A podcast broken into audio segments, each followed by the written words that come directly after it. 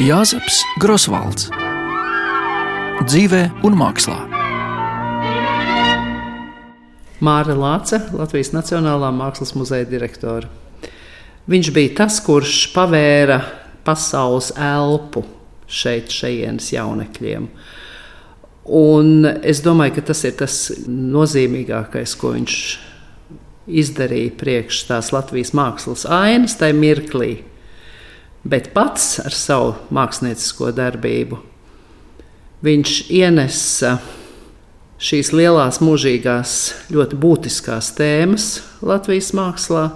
Tie ir bēgļi, tas ir Pirmais pasaules karš, bet tas nav karš kā tāda nu, kā iznīcība, bet viņš uz karu paskatījās kā uz tādu ēpisku lietu.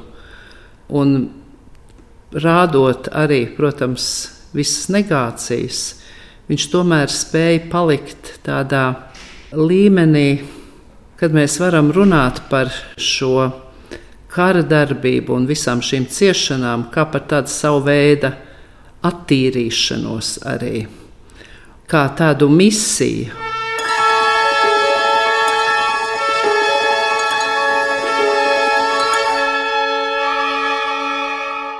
Ieva Kalneča, Latvijas Nacionālajā Mākslas muzejā projekta vadības nodaļas vadītāja un izstādes kuratore. Viņš ir tiešām ļoti daudzpusīga persona, ļoti interesanta un, un neparasta, bet, protams, ka daļēji to noteica tās iespējas, kas viņam bija pateicoties ģimenes eh, statusam. Jāsaka, Grosvalds tēvs ir Friedrichs Grosvalds, tātad latviešu advokāts, politiķis, ilgstoši arī Rīgas Latviešu biedrības priekšsādātājs. Jāzepam un arī viņa brālim vecākajiem viņiem bija iespējas gan dzīvot lielajās Eiropas metropolēs, gan arī daudz ceļot. Un pateicoties, protams, arī tam, ka Jāzeps ir poliglots, zināja ļoti daudzas valodas, viņam bija iespēja gan iepazīties ar citiem nozīmīgiem māksliniekiem Eiropā tajā laikā, gan apmeklēt šīs privātās mākslas studijas, akadēmijas, Viņam bija iespēja plaši iepazīt vecmeistaru darbus visos Rietumē Eiropas un arī, protams, Krievijas eh, muzejos, reizē neuztraucoties par tādu iztikas pelnīšanu. Viņš patiešām varēja pievērsties tādai savas personības veidošanai un personības attīstībai. Tāpēc, jā, viennozīmīgi tā Eiropas un, un pasaules elpa ir ļoti saistīta ar to viņa izcelsmi, bet, protams, tas, kas notiek Pirmā pasaules kara beigās, jau ar nonākšanu mūsdienu Irānas teritorijā, tas jau ir nu, pilnīgi cits jautājums. Pagrieziena punkts Jāzepa Grosvalda dzīvē bija Pirmā pasaules kara sākums, kad viņš vairs nevarēja atgriezties Parīzē, palika Rīgā un iepazinās ar citiem latviešu māksliniekiem, saviem vienaudžiem un izveidoja pulciņu zaļā puķa kā ieguva autoritāti latviešu jauno mākslinieku vidū un kāpēc viņi devās līdzi Jāzepa idejām. Atbilde meklējama viņa personībā. Jo no vienas puses varētu būt sava veida atgrūšanās, jo tomēr vispārējie šie jaunie latviešu mākslinieki, tie latviešu zēni, tur ir Ubāns, tur ir Johansons un Tone un vēl citi autori.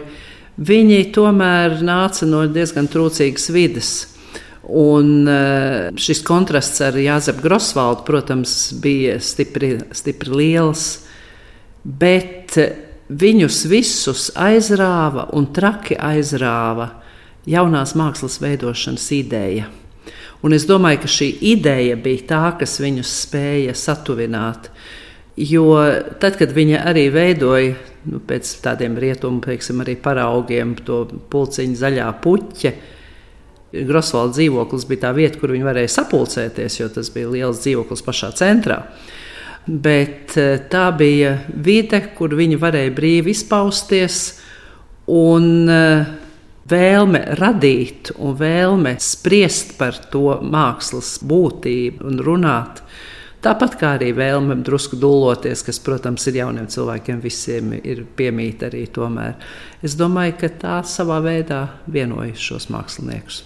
Tad, kad es dzirdu, ka tikai viņš ir dendijs, vieglprātīgs, kurš tikai apmēram labi dzīvo, tērē naudu, ēdot austeres un dzerot šampanieti, tas viss, protams, ir klātesošs. Viņš to ļoti izbaudīja pa brīžam.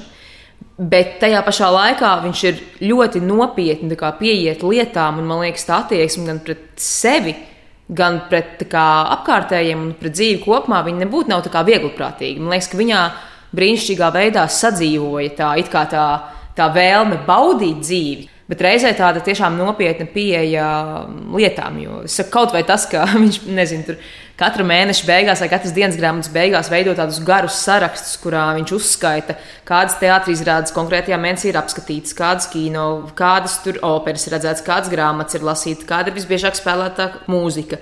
Nu, viņš tomēr diezgan sistemātiski piegāja lietām, un viņš zināja, kad ir laiks izklaidēm, bet kad tomēr ir jāpievēršas citām lietām. Un, piemēram, tad, kad mainās šī ģeopolitiskā situācija Eiropā, tad tā vieglprātība vispār izšķīst. Viņa nav viņam vairs aktuāla, jo viņš saprot, ka tajā brīdī primārs ir citas lietas. Viņš ir tajā pašā laikā arī šeit, Latvijā, kad sāk plūst tie bēgļi no kurzemes. Tad, protams, viņš pats nolēma arī iestāties strēlniekos. Tas ir kā tāds lēmums. Tieši pēc tam viņu, piemēram, komandē uz, uz Franciju, kur viņš piedalās tajos indīgo gāzu apmācībās un, un izmēģinājumos. Tad, savukārt, kad Petrogradā notiek revolūcija, tad atkal viņš ir tieši tajā brīdī tur. Tad kaut kā, kas ir joprojām tas mazliet neskaidrs aspekts, kā šiem Krievijas impērijas karaspēku virsniekiem piedāvā iespēju iestāties Britu armijā un doties izlūgājienā uz seno Persiju, mūsdienu Irānas teritoriju. Tas viss ir kā tā notiek. Bet, protams, ka es domāju, ka viņš ar to savu personību, daudzajiem arī kontaktiem, ļoti daudziem paziņām, viņš noteikti to veicināja. Un vispār tā viņa vēlme tā kā visur būt centrā, bet reizē reflektēt par to. Un vēl arī nomirt no spāņu gripas. Nu, viņš pat tur pagadījās. Nu, tas, protams, traģiski skan, bet kaut kā tas tajā līnijā iet līdzi. Tā kā, ir tādi pāris neatbildamie jautājumi, bet viennozīmīgi tam viņa īsajam mākslinieckajam mūžam tas ļoti e, ir caurvijošs elements. Ir tāda sajūta, ka viņš ir steidzies dzīvot gribēdams maksimāli daudz, arvien vairāk, arvien vairāk izdarīt. Tas droši vien tā nebija. Tas bija viņa raksturā būt, tā bija viņa aizrautība, tā bija viņa enerģija, kā viņš, kā viņš vēroja lietas un parādības, un kā viņš centās visu apgūt. Tas ir vēl viens aspekts, varbūt, kāpēc cilvēkus tik ļoti spēja interesēt arī viņa darbība, jo nāk līdz šis emocionālais, tāds dziļs emocionālais moments. Bet uh, nav jau no svara, cik īsts vai garš ir tas tavs mūžs. Ir no svara, kas aiz tevis paliek un ko tu esi izdarījis. Un vai tas, ko tu esi izdarījis un atstājis, ir kādam vajadzīgs? Nu, izrādās, ka ir ļoti daudziem vajadzīgs. Esmu noņēmies tagad dzīvot mākslā. Jāzeps Grosvalds. Un tad mēs piefiksējam, ka viens vārds, kas diezgan daudz parādās dienas grāmatā, ir vārds tagad, jo viņš bieži apņēmās kaut ko darīt. Tagad es darīšu to un to, tagad es darīšu to un to, tagad ir tā un tā. Jo viņš ļoti dzīvoja tā kā mirklim. Un tad, jā, kaut kā uzejot šo skaisto citātu, ka tagad viņš ir noņēmies dzīvot mākslā, jo redz, dzīvē viņš nedara vairāk iemeslu dēļ. Tad kaut kā tas izkristalizējās par, par izstādes to vadmotīvu Un reizē patiesībā pasaka arī to, ka nu, visa viņa dzīve ir kā mākslas fakts. Ir mākslinieki, kur varbūt var atdalīt to mākslu no personības vai no vēl kaut kādiem citiem aspektiem dzīvē. Bet viņā tas ir viss tāds viens liels veselums. Nozīmīgākos Jāzepa Grosvalda darbus izceļ Māra Lāce. Kaut vai šis te vecais bēglis, jā, ko es tādu varu saukt. Tad no kara, kara nosacītā cikla, jā, trīs krusti. Darbs, kurā ir tik daudz sintēzēts, tik daudz emocijas un tik daudz tādas izjūtas. Tad, protams, man ārkārtīgi mīļi ir tie trīs austrumu cikla darbi, ko viņš pats vairs neredzēja eksponētus Parīzes salonā. Es te runāju par tādiem nu, lieliem, lieliem nobeigtiem eļļas darbiem, bet man liekas, ka absolūti fenomenāls. Un, un izcils ir viņa devums tieši zīmējumos un akvareļos. Tās ir skices. Tātad viņš, viņš visu mūžu, man ir tāds sajūta, ka viņš ir staigājis un dzīvojis ar zīmolu rokā ka zīmols ir bijis viņa rokas pagarinātājs. Ja?